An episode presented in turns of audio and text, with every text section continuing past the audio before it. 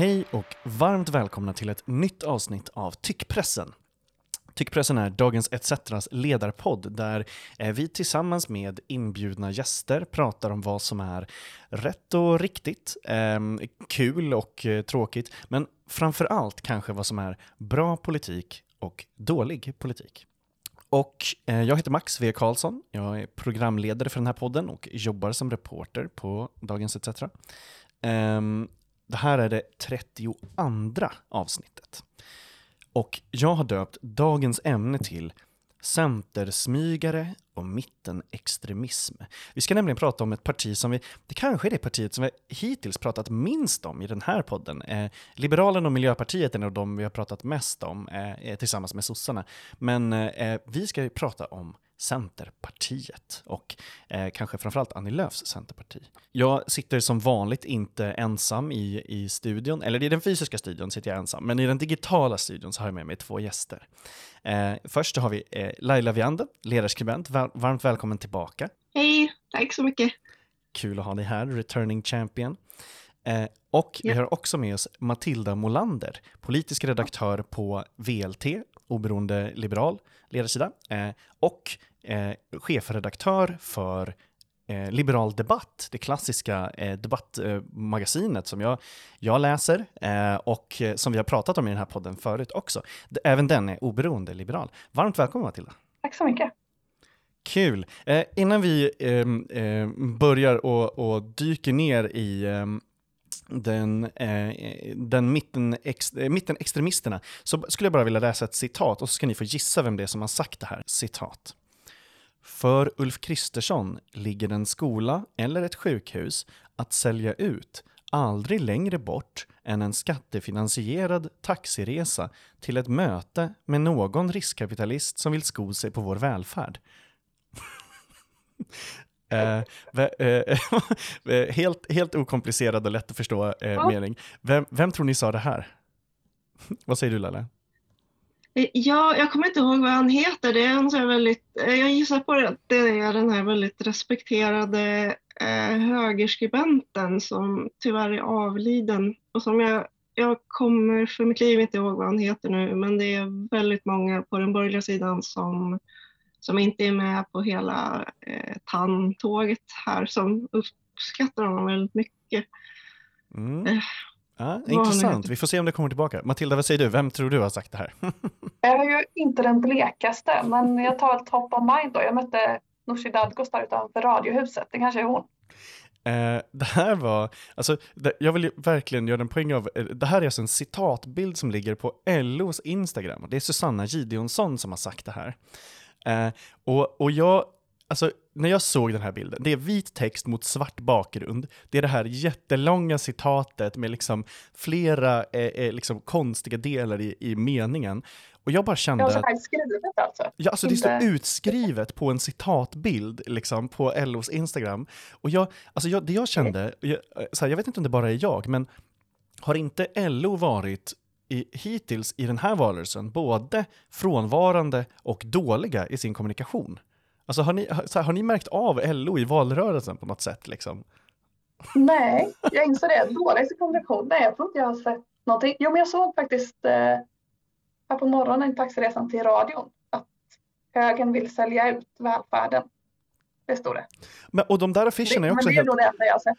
Och de där affischerna är också helt orimliga. Alltså de där som, som är ute i kollektivtrafiken och så, de är också så här, en röd färgplatta, massor av text och liksom eh, eh borta är de forna glansdagarna av liksom rejäl arbetarpropaganda med liksom illustrationer och med liksom symboler och, och eh, liksom tydliga, eh, ja men bara eh, tydliga budskap liksom. Eh, eh, alltså jag bara så här, jag, jag kan for the life of me liksom inte förstå hur hur det kan vara så kast! alltså det, ska vara liksom, det här ska ju vara liksom den stora eh, eh, liksom, kommunikations... Eh, jag menar, jätte och liksom, jag, jag, hur många har de inte som jobbar med sånt här? Jag, bara, jag ville starta podden med att liksom vara frustrerad över att, att, att det kan vara så här kast. de har gett alla sina pengar till Socialdemokraterna så de har inget kvar att betala sina egna kommunikatörer. Ja men exakt, typ så. Oh, vad sa du Laila? Ja, men det är lite oroväckande om att de har också organiserat den breda väljarbasen för, för ja, främst Socialdemokraterna men också Vänsterpartiet där, i viss utsträckning. Att de inte är mer aktiva och, och når ut till sina medlemmar som de ju faktiskt har. Eh, så jag blir ganska bekymrad när du, när du berättar om deras kack, mindre liksom, bra valaffischer och sådär. Det, det är väldigt tråkigt att höra. Ja men verkligen, jag har ju, alltså jag har tidigare eh, bashat deras livesändningar som så här, fortfarande nu har typ så här, eh, 30 visningar på YouTube om de inte har betalat för dem och sånt där liksom. Eh, men det, det, det, jag tycker känns konstigt, konstigast liksom i det här, det, det jag tycker känns konstigast i det här, det är att eh, hon har hur mycket medlemmar som helst och förtroendevalda som helst som, är, eh, eh som typ då och då får sådana här tokvirala inlägg på Facebook när de bara så skriver om typ sina liv på det, sådana här eh, det kläm, klämchecka med väldigt tydliga sättet som eh, eh, Facebook-inlägg kan gå virala. Liksom. Eh, men man, man, är liksom helt oförmögna att, att ta sig an att använda det eller att liksom utnyttja det och framförallt utnyttja liksom hur många så här, typ arbetarberättare man man har inom sig. Liksom. Det är hundratusentals personer som det handlar om. Och sen så gör man liksom den här typen av liksom superstela citat. Liksom. Alltså jag bara, jag, jag, jag blir helt, eh, jag blir matt. Eh, Ja, man får, som vänster så får man hoppas på gräsrötterna som vanligt. Hoppet står till dem. Och det, det, och, och det, men det skiljer sig inte eh, men från annat arbete, politiskt och fackligt. Att det, det, är ju gräsrötterna som drar det tunga lasset och uppenbarligen gör de det inför valet också. Tyvärr. Då, från det här med en, en whiplash till några som kanske har väldigt kontrollerade budskap eh, och väldigt koll över vad de säger och, och för ut, eh, så hoppar vi till Centerpartiet. Eh, I morse så var eh, Ekots eh, partiledarutfrågning med Annie Lööf. Eh, jag är ju en, en fullständig eh, eh liksom eh, Sarinen och eh, Bendejol eh, Simp. Jag älskar dem. Jag tycker de, är, jag tycker de gör jättebra utfrågningar. Jag tycker att de som har varit innan hittills har varit liksom så bra. Det, framför allt det här, de, de pratar med en sån ton att liksom, det är som sanningsserum, man kan liksom inte låta bli en att svara eh, exakt hur det är. Eh, och om man försöker slingra sig, då är de liksom där skitsnabbt och liksom eh, eh ser till att, eller de släpper den inte liksom. Eh, eh har ni lyssnat på, eller har, har ni hört eh, eh, utfrågningen som var i morse? Absolut, jättebra. Jag håller med dig, de är otroligt duktiga. Ja men verkligen. Ehm, jag, innan min första fråga så jag blev lite förvånad över att eh, Annie Lööf då ehm, bet tillbaka lite eh, i några av frågeställningarna. Alltså man vet ju hur eh, eh Monica Saarinen ställer sina frågor och, och sådär. Men eh, jag, jag skrev ner en av de grejerna som jag tyckte var, hon sa ju att de behövde gnugga öronen igen. Alltså vad är ditt svar till Nooshi Dadgostar? Kan hon ingå i någon form av politiskt samarbete? Ja, ni behöver ju gnugga öronen ännu tydligare. Jag har få men tydliga röda linjer. Vi kommer inte att släppa fram en regering som är beroende av SD.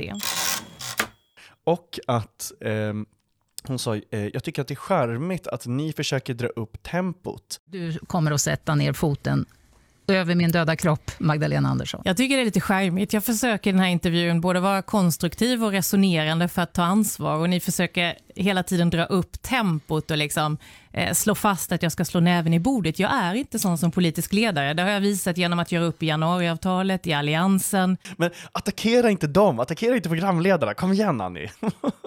Absolut, men så, det kan ju också vara frustrerande tänker jag som politiker när man vill få resonera och hålla det öppet och så, så möts man av. De vill ju såklart lägga fokus på där, där partierna inte kommer överens och där det är komplicerat. Så det förstår jag. Och Annie Lööf är ju väldigt pressad i dagsläget så det är, man kan förstå att det finns en viss frustration. Verkligen. Och nu ska vi prata om varför hon är eh, pressad. Eh, kanske just nu så handlar det allra mest om ett Facebook-inlägg i måndags. Och här vet vi ju att politikernas Facebook-inlägg har blivit deras pressmeddelanden egentligen, eller liksom det sättet som de får ut, eh, får ut saker. I det här då så skrev Annie Lööf ehm, ett, ett eh, inlägg, eh, eller hon, i det här inlägget så skrev hon att eh, hon eh, kan se sig själv sitta i en S-regering, men då helt stänger dörren för en regering med, med Vänsterpartiet, eller att Centerpartiet skulle stödja en, en regering med, med Vänsterpartiet.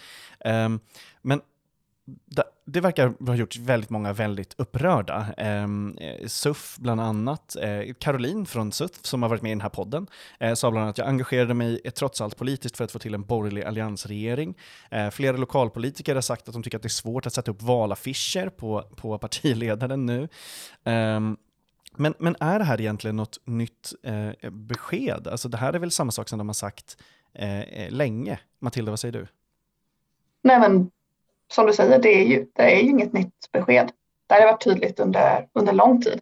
Det började ju efter, eh, efter valet 2018 när Centerpartiet gjorde det väldigt tydligt att man inte tänkte eh, sätta sig i en regering eller medverka till en regering som ger Sverigedemokraterna inflytande. Eh, och man till slut fick till det här januariavtalet. Och det togs ju inte emot på ett bra sätt utav Moderaterna och Kristdemokraterna kan man väl lugnt säga. Det kan man ju också förstå. Ehm, och sedan dess har ju sprickan mellan Centerpartiet och först Moderaterna och Kristdemokraterna och sedan även Liberalerna då blivit allt djupare. Och det, jag kan förstå som Caroline har sett att hon engagerade sig för att få en borgerlig alliansregering. Men eh, det alternativet finns ju inte längre. Alltså, det finns ju ingen borgerlig alliansregering. Det som finns är ju Moderaterna, Kristdemokraterna och kanske Liberalerna tillsammans med SD och där SD kan vara lika stort som Moderaterna om ett par veckor om vi har riktig otur. Eh, och det har ju, jag tänker att det som Moderaterna och Centerpartiet, det som förenar dem och som förenar den borgerliga alliansen var ju den ekonomiska politiken. Att man ville eh, ha ett friare företagsklimat, man ville ha lägre skatter, vilket man också genomförde under sina åtta år vid makten. Men nu så har vi det högeralternativ som finns nu är med Sverigedemokraterna och Sverigedemokraternas ekonomiska politik är ju sossig. Alltså så. Så det, man, man, får ju ingen, som liberal, vad ska man få ut av ett samarbete åt höger nu? Men Laila, varför tror du då att folk är så upprörda? Eh, ja, ja, men jag tror man ser det som ett borgerligt svek också, att det splittrar borgerligheten. Det, det uppstår väldigt stora spänningar, eh, som Matilda nämnde där, men också att eh, jag förstår inte riktigt den kritiken, därför att om, om Centerpartiet ska ha politiskt inflytande så är det ju bättre om de får ut Alltså om de får ministerposter för det. Ja, det är väl målet de, för alla? Ja, precis, för det, det är väl det är väl någon form av partipolitisk DNA, så här, man är alla partier förprogrammerade till att försöka få så mycket inflytande som möjligt. Eh, och sen så har den ju fått igenom väldigt mycket hittills i samarbetet med, med socialdemokratin så att, på ett sätt som, som faktiskt ställer till problem bland S-väljare eh, eller vänstern. Eh, och så, så att jag, hon, hon, har ju varit väldigt framgångsrik hittills i, i det hon har gjort. Verkligen. Ulf Kristersson avfärdar det här då. Eh, han säger till Dagens Industri att det handlar om röstfiske eh, bland, eh, bland socialdemokratiska väljare. Ehm, eh, eh, och eh, hon har fått liksom, hård kritik till den grad att man skickade ut ett, ett mejl till, till medlemmar och liksom, lite krishanterade också under, under gårdagen. Ehm, där man sa liksom, att det här är ingenting nytt, det här är det som vi har sagt, det är i linje med vår tidigare politik och, och så vidare.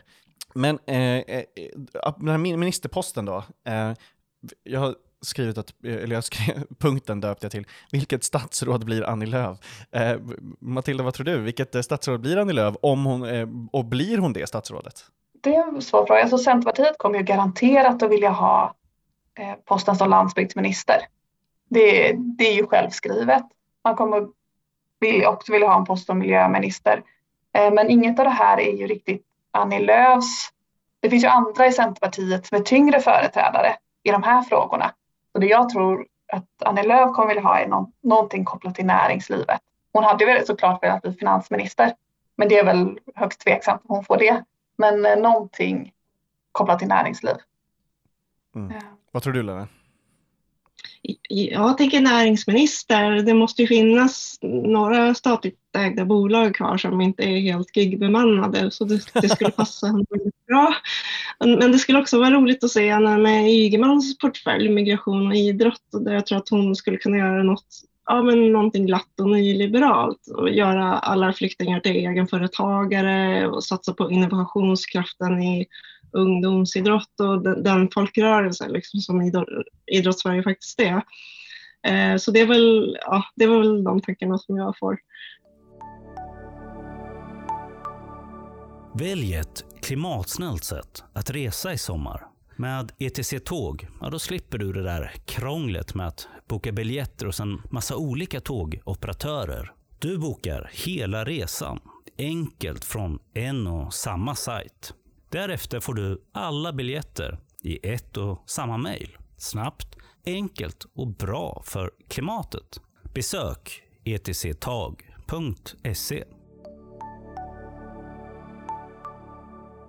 Varenda en eh, eh, som hittills av partiledarna som har varit i Ekots eh, ut, utfrågning har liksom, de har hanterat frågor som de inte vill svara på på exakt samma sätt. Och det är ju att man säger Eh, först så får de en fråga så här, ja blev det här verkligen så bra när ni gjorde upp med eh, det andra partiet som ni egentligen tycker är dåliga? Det är liksom frågan. Och sen så svarar de alltid, det är viktigt att säga att det resultatet kom till efter att vi tog ansvar i en svår situation. Och så säger de, men vi är emot eller för den här frågan och det tar vi med oss in i förhandlingsrummet.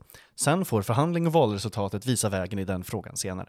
Punkt. Så har de liksom eh, övat in att svara på de här frågorna om, om deras jätteknepiga samarbeten. Eh, det, det, det, är lite, det är lite för inövat, men det hittills har alla hållit formen i alla fall. Men det, det är ju en väldigt knepig situation. Jag tänkte på det här när Magdalena Andersson inte vill prata om vallöften utan om valmålsättningar. Det kan man verkligen håna eh, på väldigt många sätt. Eh, och det är ju tramsigt att inte våga vilja säga, liksom, lova väljarna vad man ska kämpa för. Men samtidigt så har det varit tydligt att vallöften tolkas av många väljare som att man har lovat att det ska hända. Eh, även om man är Miljöpartiet och har 5 procent så tror väljarna att löftena är någonting som kommer att realiseras. Och det har blivit allt smärtsamt tydligt för väldigt många partier under den här mandatperioden. Jag tycker det är många som har fått svekdebatter för att man har tvungen att backa på sina då löften, för att man har tvungen att kompromissa. Eh, och jag tror att alla har dragit samma slutsats att vi kan inte kommunicera på det här sättet. Eh, det skapar ett politikerförakt. Men blir det inte tror... tråkigare då? Alltså för att det här är, det, att, att bara sitta och säga så här, det, det kanske liksom, men vad, vad, ska man ta med sig från det? Så här, ja, eh, allting är öppet och ingenting är tydligt. Ja, jag tänker, att det är där vi, jag tänker att det är där vi står också, eh, tyvärr. Och det är ju, det är ju en knepig situation nu att, jag menar, regeringsmakten, det främsta uttrycket är ju statsbudgeten. Och därför traditionellt har man antingen en högerregering eller en vänsterregering som är överens om den ekonomiska politiken. Men nu har vi två regeringsalternativ där inget av dem är överens om den ekonomiska politiken. Och det gör det ju jättekomplicerat. Inget av regeringsalternativen kan ju, kan ju liksom klart säga om man kommer att höja eller sänka skatterna. Att man vill olika. Kommer man höja eller sänka a-kassan? Kommer man, det, ju, det gör ju den här situationen jättesvår. Partierna kan ju inte svara på de här frågorna och ingen annan heller. Det kommer ju avgöras av allt där, ja, Vad lätt allt det är, vad lite det som händer och vad lite man behöver ha med sig i beräkningarna. Och jag menar, och vi, vi som är liksom, är, är, har lyxen att ibland tänka på politik som ett spel i våra yrken lite och liksom när man, man tänker på det på ett annat sätt. Alltså, jag, jag, jag, hur väljare uppfattar det här, eh, eh det, det, måste vara omatchat. Liksom. Alltså det, det, det, det, jag blir nästan liksom, men, men det har varit imponerande över att alla har hållit sig till den här formen hittills då. Även typ Jimmy Åkesson har varit varit lite i den, i den fåran eh, istället för att säga liksom, pang på rödbeten som de har varit lite förut, så här, med absoluta krav väldigt tidigt och, och så. Ja. Eh, så även han har tror... liksom smugit in i det där. Och jag tror att det har väl att göra med att han börjar inse att han kanske kommer att ha regeringsinflytande efter valet. Och, just, och han vill väl slippa den svekdebatt som andra partier har fått stå ut med. Och sen det tycker jag att man ska ha med sig med, ska vi inte diskutera Sverigedemokraterna idag, men det glömmer ofta bort att Sverigedemokraterna har ju också ändrat sin politik väldigt många frågor och anpassat sig eh, efter övriga politik, eh, partier till höger. Så är det verkligen. Men, eh, och, och, och, jag ska gå vidare till nästa punkt, men, men är det, bara med, med den där grejen, är det så farligt att bli kallad hycklare fortfarande? Alltså, det, händer inte det hela tiden? Får det någon, ens någon effekt än, än eh, liksom ett försök att göra en politisk gotcha? Eh, eh, liksom? alltså, för att det känns som att eh, alla partier har frågor där det är jätteenkelt att kalla eh, liksom, dem eller företrädare för hycklare. Eh, är, det så, är det så himla farligt? Jag tror det beror på vilken fråga det handlar om. Om det är en kärnfråga som är, som är central här, för, för partiets identitet och viktig för väljarkåren så tror jag att det kan bli, bli svårare. Eh, Typ marknadshyror Miljöpartiet, för S, marknadshyror för S och lite miljöfrågor för Miljöpartiet Ja. och sådär. precis, precis, eller stängda gränser för Miljöpartiet. Det, den var ju jättesvår för dem. Just det, den Eh, klassiska men- presskonferensen med, med den gråtande Åsa Romson. Men eh, ja, men annars håller jag nog med att det går, det, går väl lite inflation i, i ordet hyckleri också. Mm. Så. Jag bara tänker att det är liksom inte så, jag, jag, ser det inte som så himla liksom, eh, så mycket kraft i det längre. Alltså där, eh, eh, eh, liksom om, framförallt då tänker jag liksom bland, alltså väljare, bland vanliga väljare liksom som, eh, jag tror att man i så fall säger bara, ja men alla är hycklare, eller någonting. Eller att man resonerar och säger, ja men det där var ju på grund av det där, eller någonting. Jag ser bara inte samma sprängstoff i det längre. Men jag håller med. Jag pratade med eh, taxichauffören i morse och han sa det. Jag frågade honom om han följde eh, valrörelsen och han sa det. Nej, inte så mycket. Du vet. De säger olika saker och sen får man ju se vad de gör sen. Det vet man ju aldrig. Och jag tror att det är den känslan som väldigt många har. Att de pratar så mycket och sen så vet får väl se vad som händer sen. Jag tror att taxichauffören har rätt.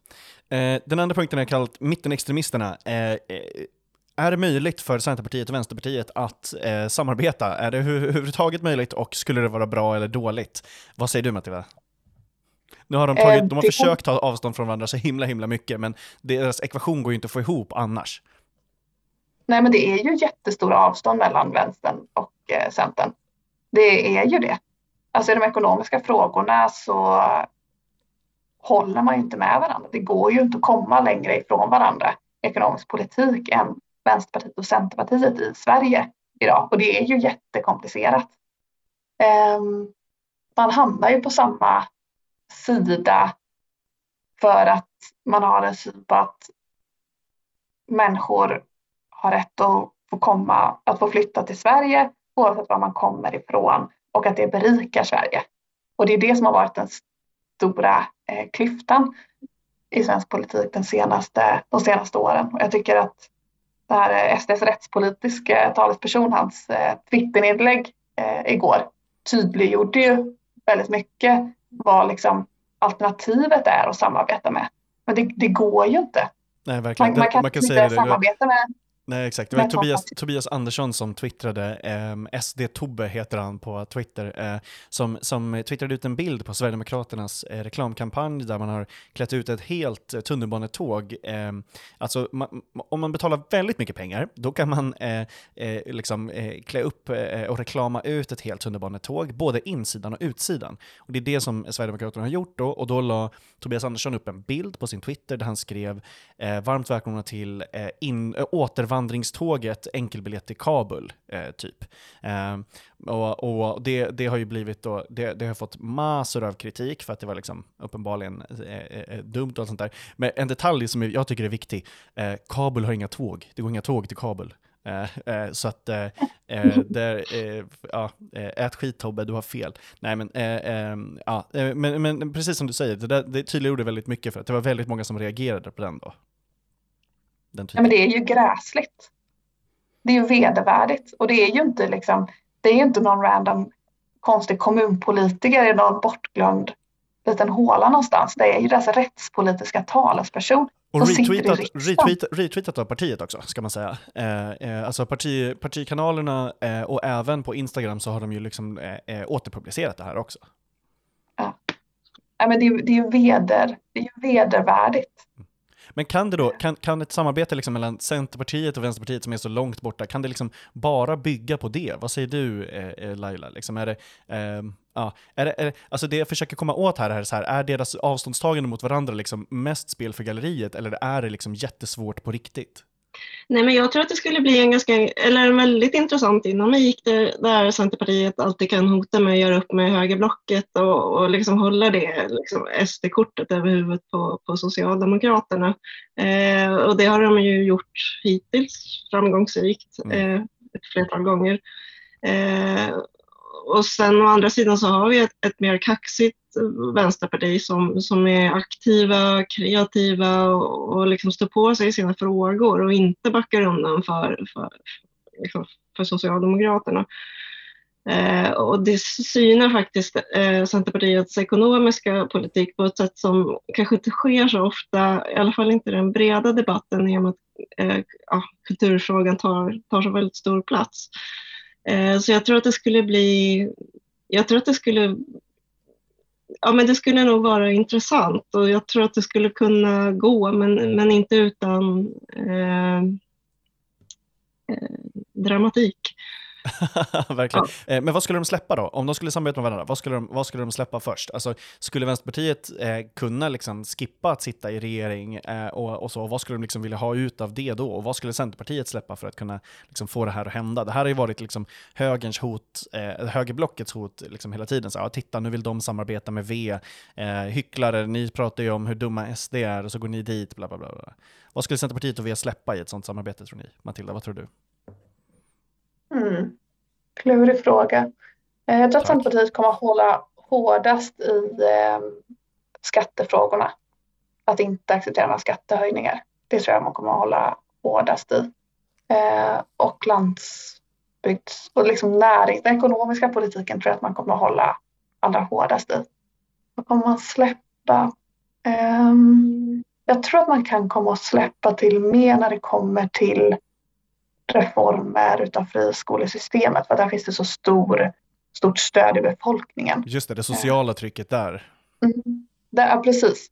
Centerpartiet, det finns ju inget, väl inget parti som mäter så mycket som Centerpartiet gör vad väljarna tycker. Och det är, i de frågorna finns det ett tydligt stöd i väljarkåren. Så där tror jag att man, kan, man kan släppa på mer.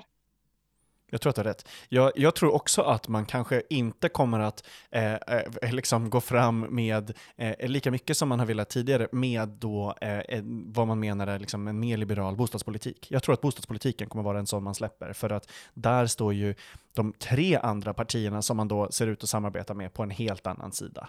Eh, även Miljöpartiet har ju liksom gjort upp med sina ehm, några få år där de var lite, så här, eh, eh lite mer nytänkande i liksom bostadspolitiken och ville släppa på, på lite olika grejer och, och sådär. Eh, I sin vänstersväng så har de ju liksom ännu tydligare tagit ställning mot då friare hyressättning och obegränsade hyror och lite olika bygggrejer och sådär. Eh, jag tror att det är någonting som, fri, eller som Centerpartiet skulle kunna säga, att man säger ja men vi tycker principiellt fortfarande så här, men det här är ingenting som vi, vi kommer att liksom driva. Eh, jag tror inte heller att man kommer driva liksom, eh, eh arbetsmarknadsfrågor på samma sätt. Alltså, absolut skatter, men, men Eh, jag tror inte att man kommer vara lika aktiva i, jag menar, eh, som i Ekot eh, utfrågning i morse så försökte de i pressen om proportionalitetsprincipen och, och möjligheten att begränsa strej, sympatiåtgärder. Det tror jag är en grej som man också bara kommer att, att kunna ge, att säga det här är eh, någonting som vi tycker, men det finns ingen möjlighet att få igenom det just nu, bla bla bla. Och så tror jag att det är helt okej, för att så har det ju varit länge. Alltså så har det ju varit eh, eh, länge att man inte har fått gehör för de frågorna. Då tror jag att det är lättare att släppa dem. Men jag tänker snarare att eh, som Annela var inne på så har man fått igenom jättestora reformer av arbetsmarknaden. Jag tror att man, man kan liksom, som hon sa, det, det här måste sätta sig. Man kan inte hålla på och fortsätta att reformera arbetsmarknaden nu. Då, hon har en poäng, nu, nu får man ju sitta i båten ett tag. Och den chansen tror jag att man kommer att ta. Sen tror jag också, eller jag tycker att man ska komma ihåg det, att när det kommer till kritan i kompromisser så kommer partier att gå tillbaka till sina kärnväljare, till sina kärn, frågor. Alltså i alla uppgörelser som Centerpartiet gör så finns det ju med miljarder till, några miljarder till jordbruket.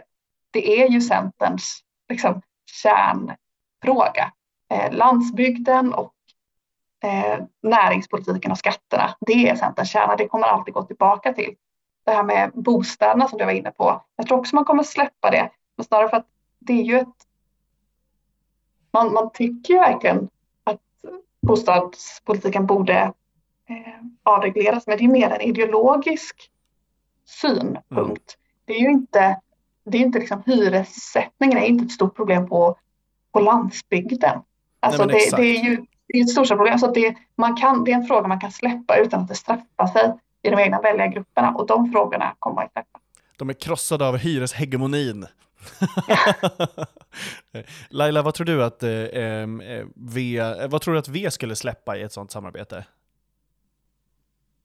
Jag ser det inte så självklart att de skulle börja begära ministerposter eller så. Det, är i alla fall, det ligger i alla fall i linje med hur de har uttryckt det innan, att de vill ha inflytande över den förda politiken. Men liksom, om man får en portfölj eller inte, så här, det, det har varit underordnat. Eh, sen så vad, vad de kan släppa på, jag, jag har mer förhoppningar kring vad de inte kommer släppa på. Vad är det då? Ja, men som den ekonomiska politiken till exempel, den är ju väldigt viktig och, och där är det ju ett problem. Ja, de, de står ju väldigt långt ifrån C, som också historiskt har fått igenom ganska mycket i relation till Socialdemokraterna. Eh, Ja, och så, så det, ja, det, det är väl det. Och sen, ja, sen är det miljöfrågan också som jag vet diskuteras, pågår något av en svekdebatt kring Vänsterpartiet och, och klimat, eh, klimatfrågan. Och, och, där hoppas jag att de, att de inte släpper, utan att de utvecklar sin politik istället. Just det. ja, det, det tycker jag också är intressant hur det är tydligt att Vänsterpartiet försöker att byta väljargrupp. Absolut. Eh, Verkligen. Alltså jag, intervjuade, jag intervjuade Vänsterpartiets eh, eh, kommunikationschef i, igår, Jenny Lindahl, ehm, eh, känd från podden Skokonomics, eh, bland annat, och massa andra grejer. Eh, men, eh, eh och, och, där sa de ju det eh, eh, uttryckligen också, alltså så här, i valkampanjen och, och så, och vilka de har Ehm, som utpekade målgrupper. De har ju tre utpekade målgrupper i V för liksom, eh, både på kort sikt och lång sikt. Eh, där det är den klassiska som var förut, eh, förra valet också, där man ville växa, som är unga progressiva, som man främst vill sno från S och MP.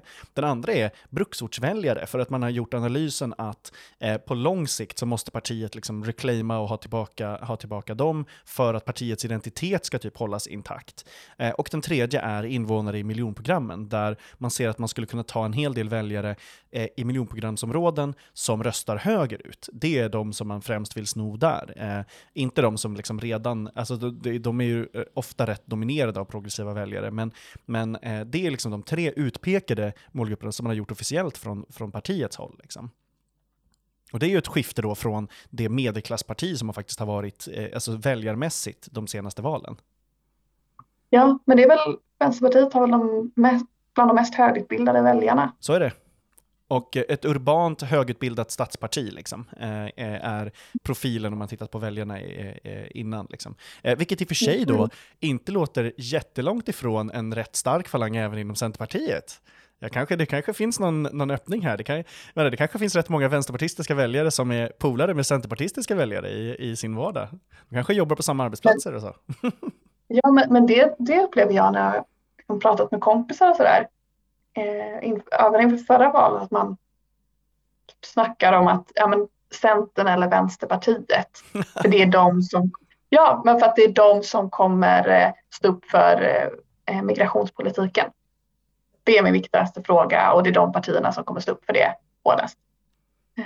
Det, där är det känns ju som att, som att Nooshi liksom i sin nya politiska inriktningar har släppt migrationspolitiken ganska mycket och tar, rör sig mer åt ett socialdemokratiskt håll där, blev jag. Men, Ja, nej, men det, jag tycker mycket av det retoriken har varit så. Vi bygger ett starkt Sverige och allt sånt där. Så. Mm. Eh, eh, sista punkten innan jag släpper, eh, släpper er, det är så himla kul att prata om det här så att det, tiden går alltid så himla fort. Eh, sista punkten har jag döpt till Varför älskar ungdomsförbundare Alliansen? Och här eh, kommer vi tillbaka lite till det som vi pratade i början. Liksom. Men det verkar ju som att Centerpartiets ungdomsförbund, då, som har tagit kraftigt avstånd från Löfs Facebook-inlägg, vad nu det betyder, eh, liksom idoliserar den här tiden och verkligen verkligen, verkligen vill eh, eh, tillbaka till eh, liksom det forna samarbetet, eh, trots att det då är dött, begravet och liksom, eh, eh, fin det finns liksom knappt någon gravsten ens. Liksom. Det finns ingen, ingenting kvar av det. Men eh, Laila, vad säger du? Varför älskar ungdomsförbundare Alliansen? Också, finns det någon liksom, chans till en zombieallians? Ja, eh, ja men kanske som någon form av så här, eh, subkultur inom borgerligheten. Jag, jag, vet inte, men det är en väldigt bra fråga och förutom det uppenbara svaret att med den borgerliga splittringen som jag upplever som, och nu låter det kanske hemskt, men liksom när jag lyssnat på, på, på borgerliga aktiva så, så är de ju genuint bedrövade över den borgerliga splittringen. Oavsett vilken sida de står på så, så har det varit väldigt smärtsamt för dem. Eh, men sen så tror jag också att det finns någon form av centristisk nostalgidröm där man slipper allt för vulgära partners och liksom där KD sexualpolitik är det mest udda som man behöver förhålla sig till. Där. Eh, och där, där ja, sunt förnuft och glatt självförtroende räcker för att, för att övertyga både omvärlden och sig själva. Att det, det, det är någon form av så West Wing idealiserad nostalgi så här, i det. Eh, och såklart så känns det ju bra att minnas framgångsrika år. Eh, det kan man ju relatera till som vänsterperson så gör man ser gärna tillbaka, Ja, man ser tillbaka på perioder där det har gått bra för såklart. Vad säger du Matilda, varför älskar ungdomsförbundet Alliansen? Ja, men jag tror att man ska, inte ska underskatta den sociala dimensionen av det här.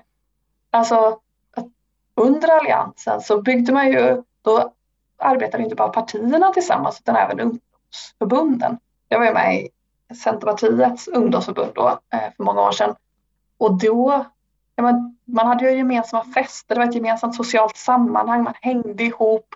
Alltså särskilt i mindre städer, det finns inte jättemånga som är med i politiska ungdomsförbund, man var kanske bara 50 stycken per parti, men tillsammans i Alliansen var man helt plötsligt kanske 40-50 stycken. Att man hade liksom ett socialt, det fanns ett socialt sammanhang. Och Centerpartiet står ju nu, liksom, man har ju inga vänner. Just det, man festar alltså man, inte med SSU man, liksom. Nej, men precis, man är ju inte, Centerpartiet är ju inte liksom ett systerparti till till ehm, Socialdemokraterna. Men man, är ju, man vill ju inte se en socialdemokratisk regering egentligen. Man vill inte se socialdemokratisk politik. Men man har ju liksom politisk, man hade ett gemensamt politiskt projekt med Liberalerna och Moderaterna och missförstånd även Kristdemokraterna. Så jag tror att det har mycket att göra med den eh, sociala biten. är min eh, gissning att det kommer mycket därifrån. Alltså jag, jag, tror att du har eh, jätterätt. Alltså jag, jag, det, det, går knappt ett avsnitt eh, av Tyckpressen utan att jag pratar om så här vikten, som jag ser av kollektiva identiteter. Att så här, eh, se de här liksom, eh, banden mellan folk, eh, eh, grejer och sånt där. Och, alltså jag, tror att du, jag tror att du kan ha, ha jätterätt i det där. Men, och sen att det kanske såklart spärs på liksom, ännu mer av att lite in i gemenskapen så har man ju välkomnat ungsvenskarna, alltså just med, från ungdomsförbundshåll, mm. liksom, där de är ju med på mufffester i Almedalen och tvärtom och, och så fortfarande fortfarande.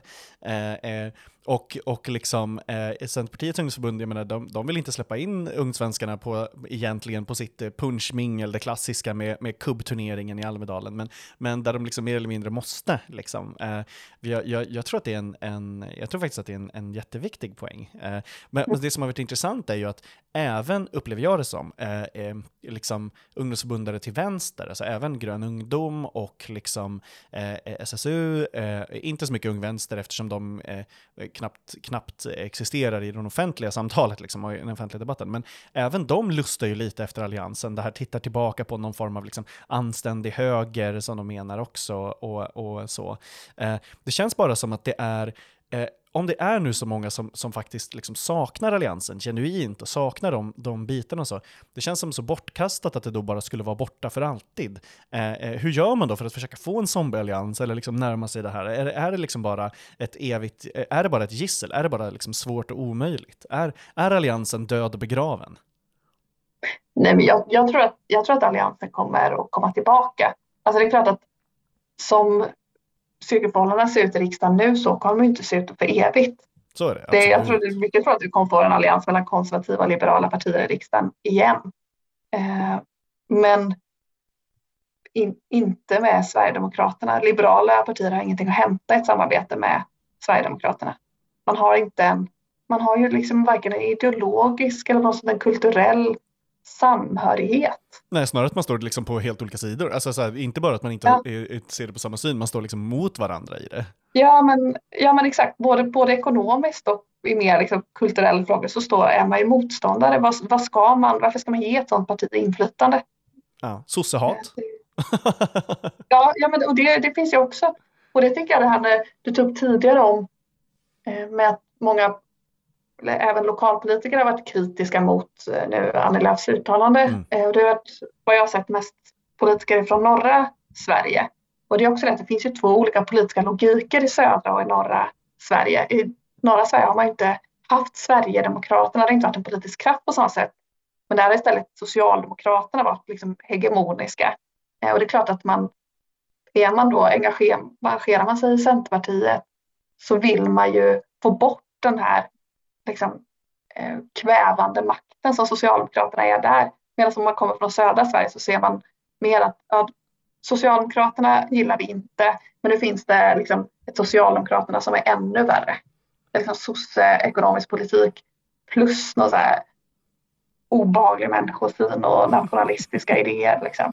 Jag älskar det norrländska motståndet mot Socialdemokraterna. Hela min släkt kommer ju från Norrbotten eh, och liksom, där är det ju i princip fortfarande synonymt med eh, liksom kronan, alltså så med motståndet mot kronan och kungen, liksom, när, när staten liksom, eh, var synonymt med, med det också. När man, så här, det, det kungahatet man hade först liksom, eh, eh, övergick då till liksom, det här hatet mot, mot det statliga, det totalt dominerade, liksom, eh, och, och så. Jag har ju liksom, jag, menar, jag vet inte, jag, jag, det är fortfarande att jag, jag befinner mig i sammanhang, liksom, både på, när, när vi är där då, att liksom, om man nämner sossarna så finns det folk som spottar på golvet. Liksom. Uh, jag tycker att det, det, det, är sån, det är sån unik uh, liksom, politisk kultur. Jag älskar det. Ja, men det, alltså det är fortfarande en sport att hämta julgranen från kronans mark. Det, det, det är ändå det man ska göra liksom, på julafton. Ja. Jag håller helt med. Där, det, där kanske det finns någon, eh, någonting som förenar eh, Vänsterpartiet och Centerpartiet också. Att eh, båda är nog för att man ska sno en julgran från kronans mark. Eh. eh, ja, fast om jag ska vara lite elak så, så tror jag faktiskt att, eh, förlåt, om, om jag ska vara lite elak så tror jag att, eh, att Alliansen är ganska död. Det är en realitet som man bara får foga sig i. Eh, och, och, så att det, jag ser det som någon form av så här, högeridentitetspolitik med sossehatet, för de har drivit så långt till höger. De är väldigt nyliberala som parti. Så jag ser, jag ser liksom inte jag ser ingen anledning till att hata dem så mycket som, som, som man gör, utan att det mest är en del av ens identitet och kultur. Eh, nu låter det här väldigt rikt, där, men ja. Jag tror att det, jag tror att det är svårt att... Jag vet inte om jag skulle hålla med Ante med så höger och nyliberala sossarna. Men eh, det är väl vilken utgångspunkt man har. Ja, Gud, ja. ja jo, men det är det ju såklart. Jag tror att det... Alltså, tycker jag... de kan ta rejäla kliv åt höger. Det är bara att marschera på. Just det. det var ju, det var någon, det var ju, Ulf Kristersson sa det i ett tal, jag tyckte att det var en, en kul poäng, men där, eh, han har inte sagt det flera gånger, jag tyckte, och det har varit lite tråkigt, men, men han sa ju det här att eh, eh, i det här valet, rösta ett steg mer åt höger än vad du tidigare har gjort, så tror jag att det hjälper många, sa han. Så jag lanserade det som en premiss. Liksom. Eh, det var rätt intressant, eh, för att det, om det skulle gälla även moderater då, eh, liksom, så är det ett konstigt politiskt tips. det var, eh, ja, det var, det var, jag förstår varför han inte har liksom sagt det igen, men, men det var, jag tyckte det var intressant som, som princip. Eh, men, och då är frågan, ska de rösta ett steg åt höger i ekonomiska frågor och då rösta på Centerpartiet eller är det ett steg åt höger på någon typ av konservativ nationalistisk då, alltså är det Sverigedemokraterna. Det är det som är det luriga med det politiska systemet just nu. Vi ska avsluta eh, och när vi lämnar så brukar jag alltid ehm, säga att eh, våra inbjudna gäster får eh, tipsa våra lyssnare om precis vad som helst. Det kan vara ett ehm, lyssningstips eller ett boktips eller om man ska läsa någonting intressant eller vad som helst. Har, Laila, vad säger du? Har du något tips till Tyckpressens lyssnare om precis vad som helst? Ja, jag har upptäckt, eh, eller jag har, jag har tagit mig samman och börjat lyssna på ljudböcker på Spotify. Jag, jag, mm. eh, jag har gett upp, jag hinner inte läsa och ljudböcker är trevligt. Just nu så lyssnar jag igenom det som finns av Jane Austen. Hon skriver väldigt mycket om klassamhället i England och ja, sociala konsekvenser för, för kvinnor främst. Eh, och det det är ju skräcklyssning. Man blir ju helt svettig av att liksom eh, läsa eller lyssna på hur, hur livsförhållandena var för kvinnor i Regency England. Liksom. Det är helt förfärligt. Så, ja, det, det är tips. Det, då vet man att man lever när man känner sådär, när man liksom eh, svettas eller mår skit över någonting. Liksom. Det, det, är ju, jag tänkte säga att det är halva min karriär, men det, det är typ så. Eh, Matilda, har du något tips till Tyckpressens lyssnare? Ja, men jag kan, nog, kan tipsa om en bok som väl, ja det är inte en politisk bok, men samtidigt är det ju det. Den heter Homegoing. Homegoing? Eh, Homegoing, av en författare som heter Jag Gyasi. Eh, otro, det, är sån här, det var länge sedan jag hade en sån bok att jag liksom ville gå hem från fester för att jag ville hem och fortsätta läsa i den här boken. Otroligt nice. spännande. Det följer två, eh, handlar om två systrar i Västafrika. Den ena gifter sig med en slavägare och den andra blir slav och så får man följa deras ättlingar i många generationer. Det är en helt fantastisk bok. Jag läste här i våras. Gud vad intressant. Ja mm. men verkligen, jag kommer länka den i, i, i anteckningarna. Ja, men... Och jäklar, den ja. hade, den hade här, nästan 300 000 som har eh, ratat den på Goodreads och den har liksom ett, eh, ett betyg på 4,5 av 5. Det var, det var crazy. Ja, gud vad intressant. Det, lät, det låter som en bok precis i min smak, så jag kommer hugga den här omedelbart. Eh, eh jag vill tipsa om Dagens Nyheters podd, eh, podd och artikelserie Välfärdsmiljardärerna. Eh, jag är väldigt, väldigt stort fan av Björn af Klen. Eh, jag tycker att han gör alldeles utmärkta reportage och eh, eh får de här eh, guldcitaten verkligen. Ehm, det finns två avsnitt hittills, de är båda väldigt, väldigt bra. Ehm, så Dagens Nyheters lärarna. det blir mitt tips den här veckan. Eh, tack snälla för att ni ville vara med i, i tyckpressen och eh, till alla era kära lyssnare så säger jag att eh, nästa vecka så eh, kommer vi ha ett avsnitt, men det blir ett lite annorlunda avsnitt. Jag teasar det lite eh, redan, redan nu. Ehm, eh, mer kan jag inte säga just nu, men eh, ja, så är det. Tack snälla och eh, eh ha det så himla bra. Hej då!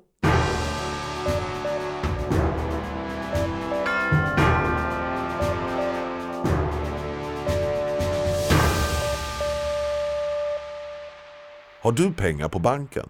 ETC Sol investerar dina pengar i solceller, det vill säga framtiden. 2500 personer har sparat pengar och får nu 2% ränta.